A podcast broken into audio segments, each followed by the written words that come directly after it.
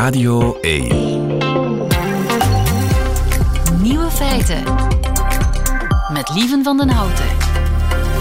Dag en welkom bij de podcast van Nieuwe Feiten van 16 juni 2022. In het nieuws vandaag dat het Rode Kruis de bezoekers van Graspop in Dessel oproept om wit te dragen. Graspop, dat is een meerdaags metalfestival in Dessel.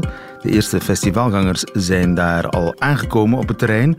Zaterdag is 35 graden voorspeld en bij het Rode Kruis is het alle hens aan dek. Vandaar het kledingadvies. Alleen is de dresscode op metalfestivals nogal strikt. Zwart. Zwarte t-shirts, zwarte broeken, zwarte leren jassen. En of de oproep om toch in het wit naar graspop te trekken veel gehoor zal krijgen, is twijfelachtig. Meerdere graspoppers hebben al gezegd dat ze nog liever sterven van de hitte. Tja, je kan net zo goed de paus vragen om een bikini aan te trekken. De andere nieuwe feiten vandaag. Een vaccin tegen herpes is in de maak, maar het UZ in Gent die vindt maar heel moeilijk mensen die het willen testen. De meeste Europeanen willen toegevingen doen aan Poetin. De vogelgriep richt een ware ravage aan bij de zeevogels en dat in volle broedseizoen. En Rika Ponet beantwoordt de vraag van een luisteraar die zich zorgen maakt over de eenzaamheid van haar pas gescheiden broer. De nieuwe feiten van Johan Terrein die hoort u in zijn middagjournaal. Veel plezier. Er is fantastisch nieuws eigenlijk, want uh, eindelijk is er een vaccin op komst tegen herpes. Maar er is een probleem. Een probleem waarbij u kunt helpen. Isabel Leroux, goedemiddag. Goedemiddag. Je bent professor aan het UZ in Gent, klinisch bioloog. Over welke herpes hebben we het? Want er zijn blaasjes op de lippen en blaasjes op de genitaliën. Dat zijn twee types herpes, toch? Ja, dat klopt. Um, het gaat hier eigenlijk uh, om, om, een vaccin uh, gericht tegen het uh, ja, herpes simplex virus type 2, dat voornamelijk genitale herpes veroorzaakt. Dus op de, ja, in hoogte van de genitaliën. Ja, blaasjes, zowel bij de mannen als bij de vrouwen ter hoogte van de genitaliën. Vervelend en ongeneeslijk, ja. hè? Je blijft ja, ermee klopt. zitten. Ja, dat is inderdaad een type virus dat uh, voor de rest van je leven uh, in je lichaam aanwezig blijft. En op momenten van ja, vooral vermoeidheid of stress een opstoot kan, kan, kan geven met ja, die heel vervelende, pijnlijke blaasjes als gevolg. Pijnlijke blaasjes, besmettelijke blaasjes. Dus als je ermee rondloopt, dan, moet je, Ja. ja, dan is het eigenlijk onthouding geblazen, toch? Ja, klopt. Inderdaad, het is uh, erg besmettelijk en, uh, en ja, voor uh, ja, sekspartners een, een risico naar, naar verspreiding toe, zeker en vast. Maar het vaccin is zo goed als klaar, begrijp ik. Uh, nee, dat is nog niet het, het geval. Hè. Het is een, een, uh, een nieuw vaccin, want er, zijn al verschillende kandidaatvaccins geweest. Tot nu toe nog, nog geen succes. Het is een, een, nieuw type vaccin dat geëvalueerd wordt in een, in een fase 1-2-studie. Dus de fase 1 en 2 worden gecombineerd. Uh, fase 1 vindt plaats of wordt, wordt uitgevoerd bij jonge personen zonder genitale herpes. Um, en als die resultaten goed zijn, dan gaat men eigenlijk meteen over naar fase 2, wat dus wordt uitgevoerd bij mensen met genitale herpes, om dan echt te gaan kijken of uh, vaccinatie een invloed heeft op het aantal opstoten. Ja. En nu is het probleem dat er mensen moeten gevonden worden die dat vaccin willen testen. Ja, dat is juist. Inderdaad, uh, um, ik heb een beetje aan, aan, de alarmbel getrokken, omdat we voor de komende weken nog een vijftigtal mensen zoeken die in die fase 1 uh, willen stappen. Uh, het is een moeilijke periode natuurlijk, hè, examens en de, en de zomervakantie die eraan komt. maar ja, tegelijkertijd zitten, zitten er heel veel mensen met genitale herpes te wachten op de start van die fase 2. Dus wij hopen snel mensen te kunnen vinden, zodanig dat de hele ontwikkeling van het vaccin geen, geen vertraging oploopt. En dus de oproepen tot nu toe waren vruchteloos. Het is kennelijk Ja, heel we- moeilijk om, mensen te, om kandidaten te vinden. Uh, ja, we hebben een, een kandidatenbestand met uh, bijna 8000 uh, de, kandidaatdeelnemers erin. En we hebben al, denk ik, drie, vier oproepen gelanceerd aan dat kandidatenbestand. En normaal volstaat dat ruimschoots om aan het nodige aantal deelnemers te geraken. Maar ja, deze keer lukte het niet. En Dat is ook, raar. ja, ja, en heeft dat specifiek met, met, met het aard van het vaccin te maken dat het over herpes gaat? Dat denk ik niet. Ehm, het is een feit dat die ziekte niet zo gekend is. Er rust ook een beetje taboe op. Ehm, maar het is voornamelijk, um, ja, volgens de feedback die we krijgen van mensen, het feit dat ze eventjes uh, verzadigd zijn van alles wat met de medische sector te maken heeft. Dat ze denken van ja, ik ga daar uh, ja, grieperig van zijn uh, een aantal dagen of mijn arm gaat heel pijnlijk zijn met het covid-vaccin nog, nog vers in het geheugen. En dat ze daar ook even geen zin in hebben. Of ja, gewoon mensen die veel festivals, vakanties plannen en even ja, willen genieten van die herwonnen vrijheid. Wat ik helemaal begrijp natuurlijk, hè, maar dat uh, betekent dat we nieuwe mensen moeten vinden. En dus ook mogelijke testen voor uh, andere vaccins, die zitten met hetzelfde probleem. Mensen zijn een ja. beetje vaccintestmoe. Ja, uh, inderdaad. Ze zijn, ze zijn een beetje moe, uh, vaccinmoe, uh, studiemoe. Uh, kan zeker zijn. Ik hoop dat het een tijdelijk fenomeen is. Maar ja, belangrijk dat mensen weten dat heel wat vaccinontwikkelingen even on hold zijn geplaatst omdat alle prioriteit gegeven is aan COVID. Maar er zijn heel veel ja, belangrijke vaccins die ontwikkeld worden, ook geneesmiddelen bovendien. Het is, het is niet enkel bij vaccinstudies dat dit gezien wordt. Hè. Ook de collega's bij ons in het ziekenhuis die geneesmiddelenonderzoek doen, merken hetzelfde. Dus ja, al die projecten hernemen weer in, in, volle snelheid, maar we kunnen gewoon niet verder als we geen deelnemers hebben. Ja, en vooral, je kan niet aan fase 2 beginnen, waarbij je mensen ja. met herpes gaat testen, zonder die fase 1 achter de rug te hebben, waarbij je mensen zonder herpes test. Begrijp ja, ik? Ja, klopt. En voor alle duidelijkheid, de mensen voor fase 1 mogen wel al koortsblaasjes hebben. Dat is geen probleem. Maar nog geen genitale herpes. Ja, ja. Want koortsblaasjes, dat is type 1. Dat, dat heeft er eigenlijk ja. niet zoveel mee te maken. Dus, je, ja. maar, maar, je zoekt wel jonge mensen, dat jonge mensen die seksueel zeer actief zijn. Dat bedoel ik. Um, jonge Maarten, daar heb je niks aan. Ik zeg het maar zoals het is. De, voor fase 1 um, ja, is het, gaat het over ja, hoe, hoe het in kaart brengen van hoe veilig is het vaccin, hoeveel bijwerkingen veroorzaakt het. Hebben mensen uh, last van, van, van grieperig gevoel, van een pijnlijke arm. Um, en ja, er wordt eigenlijk in die fase 1 niet gekeken naar, naar, naar, naar ja, okay. risicogedrag of zo. Dat, het maakt dat niet is uit geen hoe, hoe je seksleven, dat maakt eigenlijk, een onbestaand nee, seksleven is geen probleem. Het nee, enige, het, de enige vereiste is eigenlijk jong zijn. Ja, 18 tot 40 en een goede algemene gezondheid, klopt. 18 tot ja, 40, dat is al, dat is al heel ja. breed. Uh, ja. Ik dacht dat je het over studenten had. Ik dacht, die moeten blokken. Dat begrijp ik. Maar dus van 18 tot 40, dat is een hele brede groep. Ja. En uh, die uh, moeten gezond zijn. Dat is het enige. En die moeten iets over hebben voor de volksgezondheid in het algemeen. En dan meer bepaald ja. voor die onfortuinlijke medemens die besmet is geraakt met genitale herpes. Ja, juist. Want zonder... En die ons ja, bovendien uh, van over de hele wereld, hè, is, de studie is bekend geraakt op uh, internetfora van patiënten met genitale herpes. En uh, ik krijg bijna dagelijks telefoons van tot in Brazilië, Amerikaanse mensen die mij bellen om te vragen van hoe zit het met het onderzoek en kan ik er ook in stappen. Dus dit is ongezien, heb ik nog nooit meegemaakt en toont ook wel aan dat er een hoge nood is aan zo'n vaccin. En het gaat om een vaccin dat ontwikkeld is in Gent? Nee, het vaccin, wij evalueren het. Uh, het is ontwikkeld door een bedrijf, GSK, met wel een hoofdzetel in België. Dus het is voor een, een deeltje wel een Belgisch vaccin. Het is een Belgisch vaccin dat de wereld zou kunnen redden en uh, herpes, genitale herpes, de wereld zou kunnen uithelpen. Dus er staat veel op het spel. Dus ik zou zeggen, ja. luister goed naar wat Isabelle Leroux-Roels nu gaat zeggen, namelijk een oproep. Isabel? Ja, dus mensen die zich aangesproken voelen en die, uh, die interesse hebben om meer te weten over de studie, kunnen op onze site uh, cevac.be en cevac is uh, cevac.be um, ja, meer info vinden over de studie, het, het, het, studie, het visiteschema, wanneer je verwacht wordt in ons centrum op de campus van het UZ in Gent. En um, ja, als je na het lezen van al die informatie nog steeds geïnteresseerd bent, kan je dus het, het inschrijvingsformulier invullen en dan zien we elkaar misschien binnenkort kort uh, tijdens een uh, studiebezoek. Ik uh, hoop van harte. Ik kan niet meer meedoen, ik ben ouder dan 40, hè? Ja, Helaas. geen probleem, maar er zijn nog studies hoor. Oké, okay, ik hou me beschikbaar. Cevac.be. Ja, Dankjewel, Isabel ja. Leroux-Roels en veel succes. Dankjewel.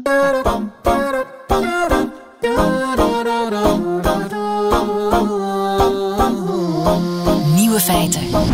De meeste Europeanen die zien een lange, dure oorlog in Oekraïne niet zitten, blijkt uit een nieuwe peiling. Jonathan Holslag, goedemiddag. Goedemiddag. Je bent VUB-professor internationale betrekkingen. 8000 mensen zijn ondervraagd in heel Europa. Blijkt er een duidelijke kloof te zijn tussen zeg maar, kamp vrede en kamp rechtvaardigheid. Kamp vrede zegt, laten we een deal sluiten met Poetin. Dus noods moet Oekraïne maar land inleveren.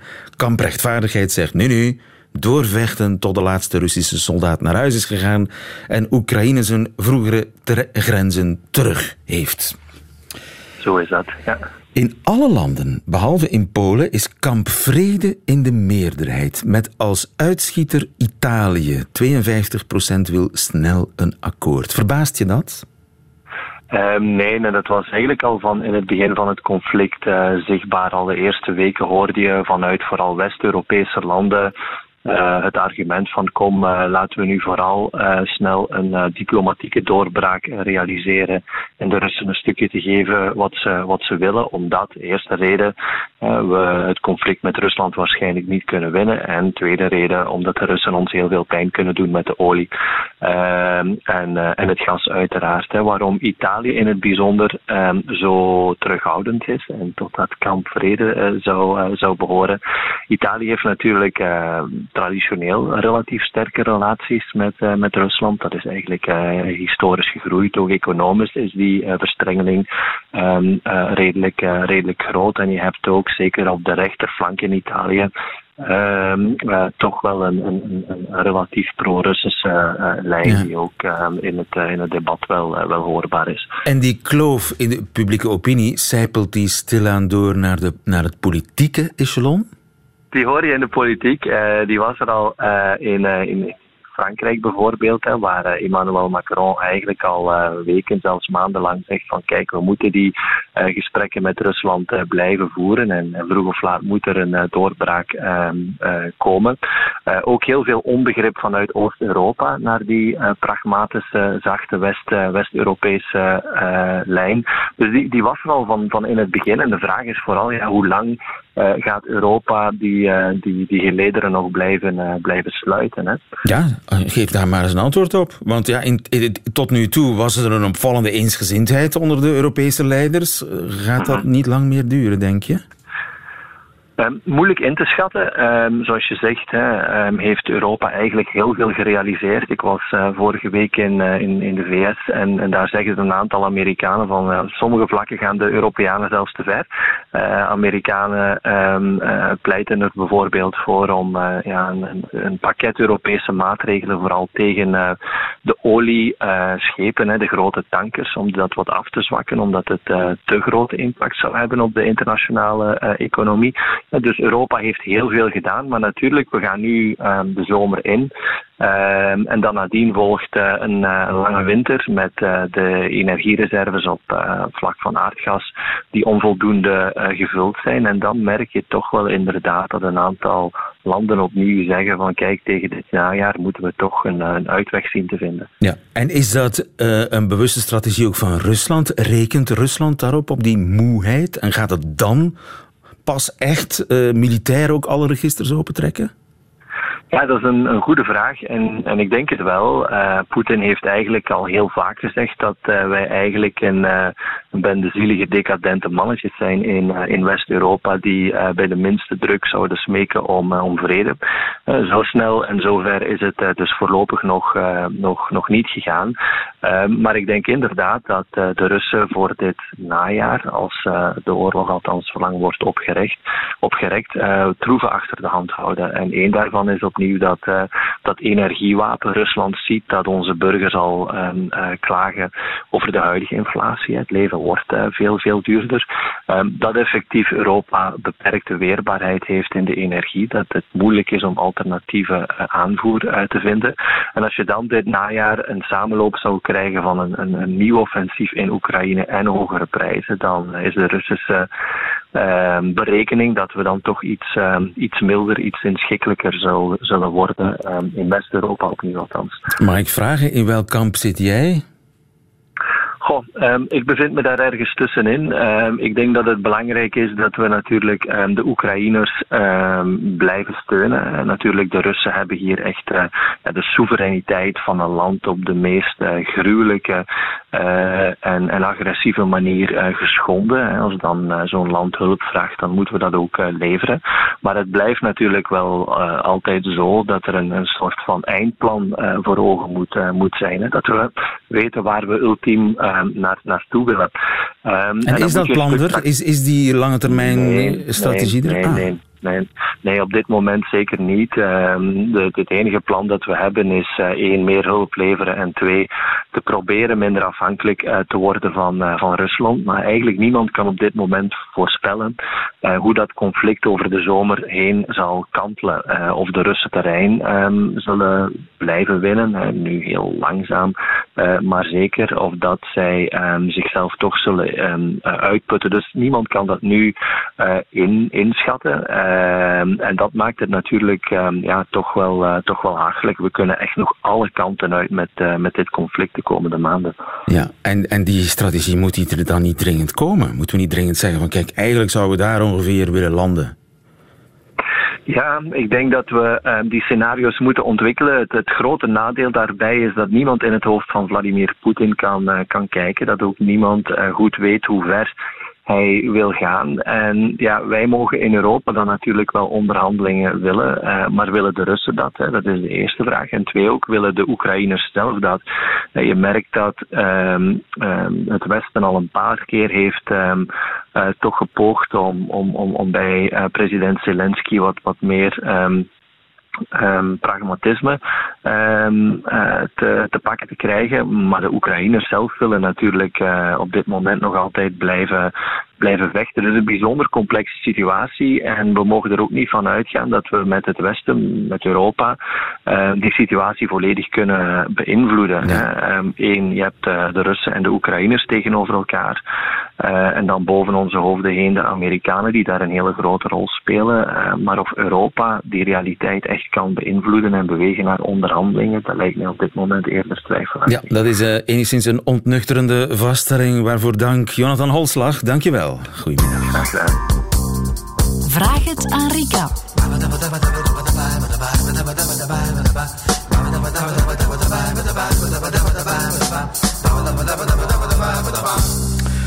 De zon is gaan schijnen hier in de studio, want hier is Rika Ponet weer helemaal in het roze vandaag. Fantastisch. Ja, ik, ja uh, Zelfs de bril, zelfs de, bril, is... Ja. Ik heb zo massa's lezenbrillen liever en de ene al wat mooier dan de andere. Ja. Welkom, hoe dan ook. Ja. Uh, Rika Ponet, relatiedeskundige en helemaal klaar om uh, te antwoorden op vragen die zijn binnengekomen van uh, luisteraars van Nieuwe Feiten. En een van die vragen komt van Winnie. Winnie is een, een vrouw, denk ik, hè, Winnie? Ja. Uh, een vrouw van 51 en die schrijft: Mijn broer is drie jaar geleden gescheiden. Hij had het aanvankelijk erg zwaar met die scheiding, maar ik heb het gevoel dat hij nu stilaan terug de man aan het worden is die hij voorheen was. De scheiding heeft diepe sporen nagelaten, dat is zeker, maar hij maakt opnieuw plannen, probeert zijn leven op orde te krijgen, heeft het tegen mij vaak over eenzaamheid, zich alleen voelen. Ik geef dan tips, maar kom vaak niet verder dan kom buiten of probeer andere mensen te ontmoeten. Of ik nodig hem zelf uit bij mij thuis om de avond of het weekend door te brengen. Dat helpt even, maar ook niet echt. Ik voel me zo machteloos. Wat kan ik doen om mijn broer te helpen? Winnie, ware broederliefde. Uh, ja, Van Winnie. Ja. Mooi. Uh, ja, ik denk als je in je omgeving mensen hebt die je graag ziet en uh, je voelt heel duidelijk dat die, dat die eenzaam zijn, dat is... Um, ja, dat raakt ons omdat we... Ja, dat is iets heel diep pijnlijks. hersenonderzoek heeft dat ook aangetoond, dat eenzaamheid, dat dat eigenlijk een vergelijkbare pijn is met ernstige fysieke pijn. Zoals ze echt honger of dorst hebben en daar niet direct een invulling kunnen aangeven of daar machteloos tegenover staan. Het is ook iets wat een beetje bedreigend is voor mensen. Alleen leven, alleen zijn, u alleen op de wereld voelen.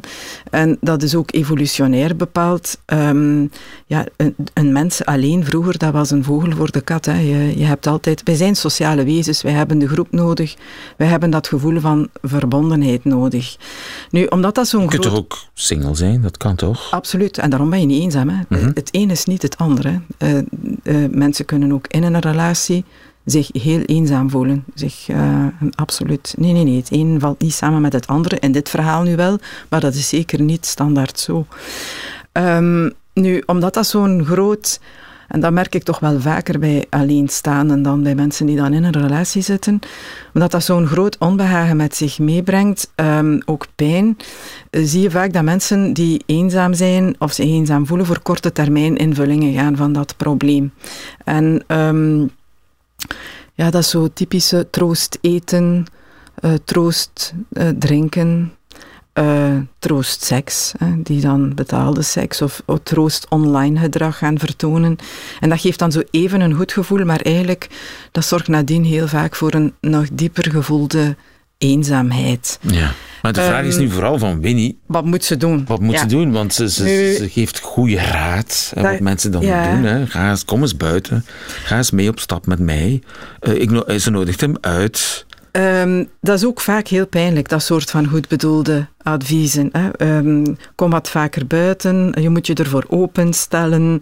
En ja... Uh, klopt toch ook? Ik bedoel, ja, het klopt ook. Maar blijf alsof, niet binnen zitten, is toch de belangrijkste opdracht? Is, is een belangrijke opdracht. Een vliegende kraai um, vangt meer dan een zittende. zittende. Absoluut. Mijn dus, moeder zei dat. Dat is zeker de opdracht. Nu, naar haar toe, uh, want eigenlijk denk ik, uh, ja, zij voelt zich machteloos, vertwijfeld. En ik denk dat dat een heel goed advies is aan degene die de eenzame wil helpen. Nodig eens een eenzame uit. Hè. Dat is ooit een spreuk geweest van Bond zonder naam, denk ik. Ongetwijfeld. Ja. Um, een veel belangrijker inzicht is, in plaats van iemand uit te nodigen of te proberen daar goed gezelschap voor te zijn, wat op zich een mooie intentie is, je moet niet iets doen voor de eenzame. Laat de eenzame iets doen voor jou. Want wat is eenzaamheid? Dat is in veel gevallen een gebrek aan gezelschap, maar nog op een veel dieper niveau het gevoel dat mensen hebben dat ze niet van betekenis zijn voor anderen. En uh, wat geeft, je ziet dat ook bij oudere mensen. Wat geeft betekenis aan je leven? Ja, niet dat je daar zit te wachten tot als er bezoek komt, want dan voel je je eigenlijk een beetje, ja, weet je, die moeten we nog een bezoek brengen. Hè? De sukkel, hè? die zit daar alleen, we gaan die wat helpen, we gaan die een bezoek brengen.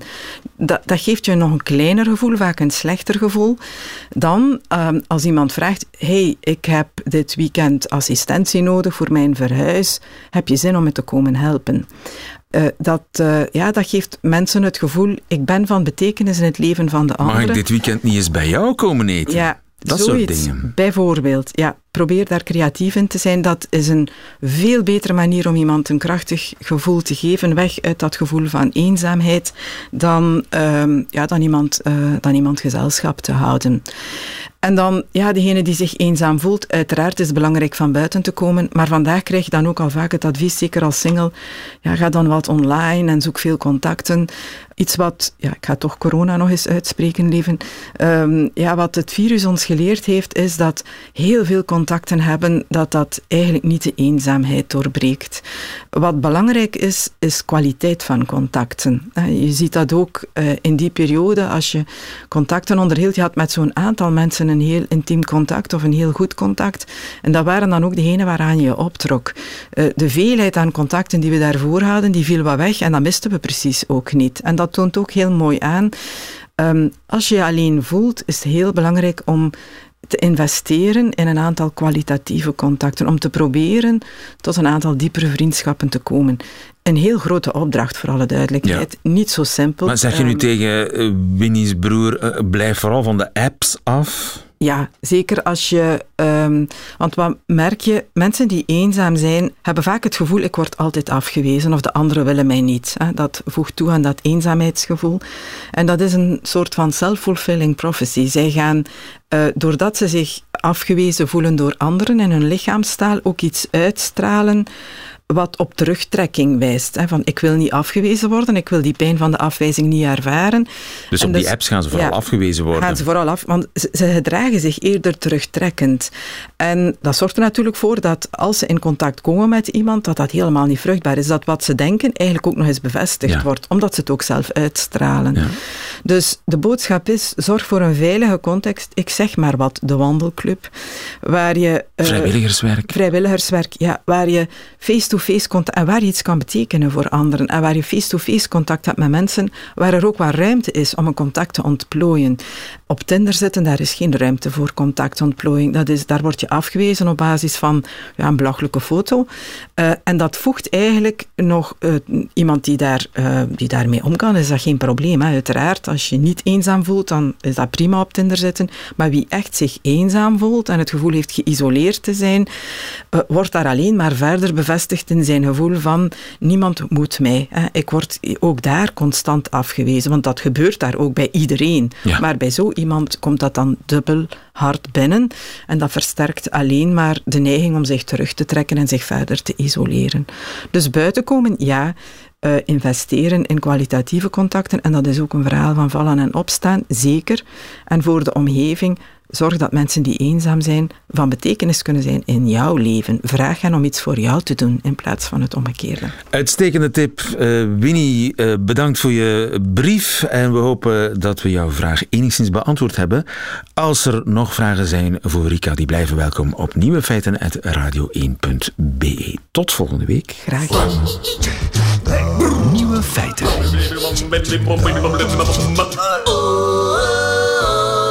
Radio 1. Drie kwart van de 6000 zeevogels in een Frans natuurgebied is aan de vogelgriep gestorven. Muriel Vervaken, goedemiddag.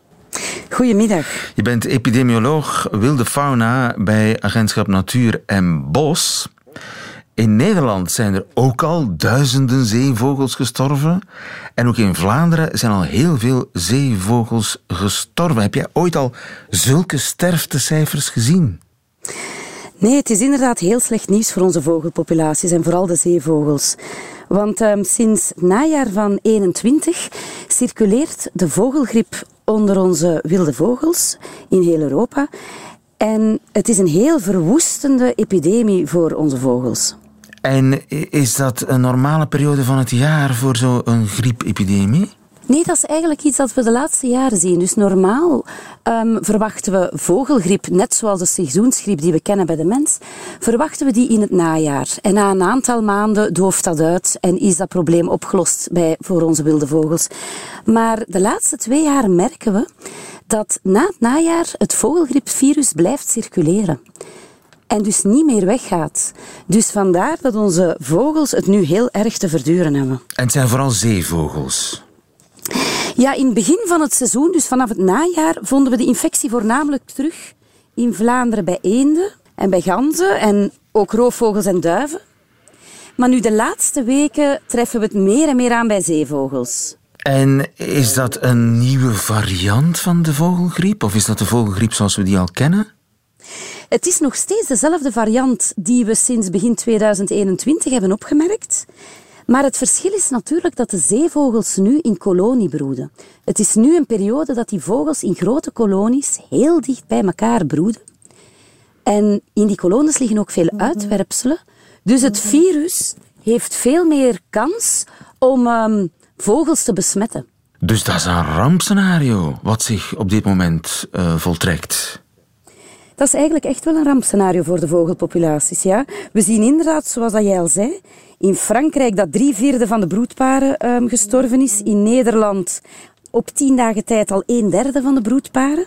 Wij merken in Vlaanderen, zitten wij nog maar aan het begin, merken wij ook een verhoogde sterfte. Maar dat is inderdaad een dunning van die vogelpopulaties die niet op 1, 2, 3 hersteld gaat zijn. Ja, en mondmaskers dragen, dat is in deze geen optie, hè? Nee, voor de vogels gaat dat geen optie zijn, inderdaad. En als je dan, uh, worst case scenario zeg maar, als, als dit blijft circuleren, broedseizoen, dus het, kan niet slechter treffen, uh, wat betekent dat eigenlijk voor, voor onze vogelpopulatie? We spreken dan nu voornamelijk voor die zeevogels, hè, omdat daar de sterfte zo hoog is, omdat die in kolonie aan het broeden zijn. dat gaan we, dat gaan we spijtig genoeg na die uitbraak moeten evalueren. Als die populaties heel sterk gedund zijn, is dat een groot probleem, omdat die populaties de laatste jaren het al heel erg te verduren hadden. Eh, zeevogels, ja, dan denk je in de eerste plaats Die aan, aan meeuwen. Maar da- daar is toch geen tekort aan, aan meeuwen? Meeuwen en sterns, nee, het, het, het duikt ook op bij sterns. Dat zijn zeevogels die het toch niet zo goed doen. En ook onze meeuwenpopulaties, we hebben nog voldoende meeuwen. Er zijn verschillende meeuwen. ehm, soorten zoals de kleine mantelmeeuw, de kokmeeuw, de zwartkopmeeuw. Maar we merken toch dat die aantallen niet heel fel toenemen. Dus het is niet dat we de luxe hebben dat we heel grote populaties hebben die die sterfte goed aankunnen. Ja, maar dus we gaan dat nog zien. De gevolgen daarvan gaan we nog jaren zien. Ja, dat denk ik wel. En hebben we enige verklaring voor eh, die vogelgriep, waarom die nu in dit broedseizoen opduikt? Nee, dat is eigenlijk iets vreemds. Het is, wat ik al zei, dus net zoals de seizoensgroep bij de mens, circuleren er altijd vogelgriepvirussen bij de vogels. Maar het feit dat dat nu de laatste twee jaren ook in de lente en de zomer aanwezig blijft, is eigenlijk een nieuw gegeven. Dat is een mysterie, Ja, exact. voorlopig. Waarom? Ja, er zijn mogelijk verschillende oorzaken. En Misschien is het een samenspel van vele oorzaken. Klimaatverandering kan meespelen. We hebben ook geen idee in welke mate dat die griepvirussen bij bepaalde vogels misschien aanwezig blijven, zonder dat ze er ziek van worden doorheen de zomer. Dus zodanig dat ze als een reservoirsoort kunnen optreden en het virus eigenlijk nu ehm, aanwezig kunnen houden. Eigenlijk zijn er heel veel vragen nog. Dus eh, behalve nagelbijtend afwachten hoe erg het wordt, kunnen we dus eigenlijk niet zoveel doen. Jawel, wat we wel kunnen doen is elke burger, als je zieke of dode vogels aantreft in de kuststreek, bel dan zeker het gratis influenza-nummer op 0800 99 777. 0800 En een meet- 99 777. Ja, en een medewerker van die influenzalijn gaat jou dan de informatie geven wat er kan gebeuren om die kadavers te laten ophalen en de zieke vogels te laten ophalen. Muriel Vervaken, dankjewel. Veel succes. Goedemiddag. En voilà, dat waren ze, de nieuwe feiten van vandaag, de 16e juni 2022. Alleen nog die van Johan Terrein krijgt u nu in zijn middagjournaal. Nieuwe feiten. Middagjournaal. Beste luisteraar. Vorige week droeg ik een dag lang hoge hakken, maatje 44. En ik kan u verzekeren, het waren mijn maatjes niet. Voor u denkt dat er zich nieuwe feiten in mijn leven afspelen, ik stond op de set van een televisieserie het beste van mezelf te geven in de vorm van een als vrouw opgeklede man. De kippenfilets lagen op mijn borstkas, het haar plakte geregeld in mijn lippenstift, de lak zit nog onder mijn nagelriemen. En daar hoorde dus ook die hakken bij. Ik zeg u dit alles opdat u er zich een beeld bij zou kunnen vormen. Maar ik kan me ook voorstellen dat dat momenteel niet zo heel goed lukt. Die twee uur in de schminkstoel zit je zelf ook met verbazing toe te kijken hoe je spiegelbeeld verandert. In mijn bijzijn waren drie drag queens die me toefluisterden dat ze die hakken ook en alleen maar aantrekken op het moment dat ze optreden. Een man blijft een man. Afzien doen we niet als dat niet strikt gezien nodig is. Een pijntje wordt al gauw een groot pijntje. U kent het stereotype wel. Toch droeg ik de pumps een hele dag door. Je wil in je rol blijven en op een of andere vreemde manier droegen die hakken daartoe bij. Een elegant stapje ontwikkelen op die stelte bleek het moeilijkst. En dus probeerde ik voor dag en dauw onder het toeziend oog van de dames van styling en make-up en van de drag-afdeling opnieuw te leren lopen. Mijn zelfzekere stap was plots veranderd in een instabiel huppeltje. Het voelde aan als met de hakken over de sloot. Ik zou me nu kunnen afvragen waarom vrouwen die dingen in hemelsnaam dragen, maar daar ga ik enkel stereotype antwoorden op kunnen verzinnen. Je kan maar hopen dat iedereen draagt waar hij zich goed bij voelt, dat iedereen sterk in eigen schoenen staat. En kijk, daar ging die rol net over. Zo gauw de camera draaide, verdween dan ook wonderwel elk ongemakje. Een rol spelen is even in andermans schoenen lopen, ook al hebben die hoge hakken.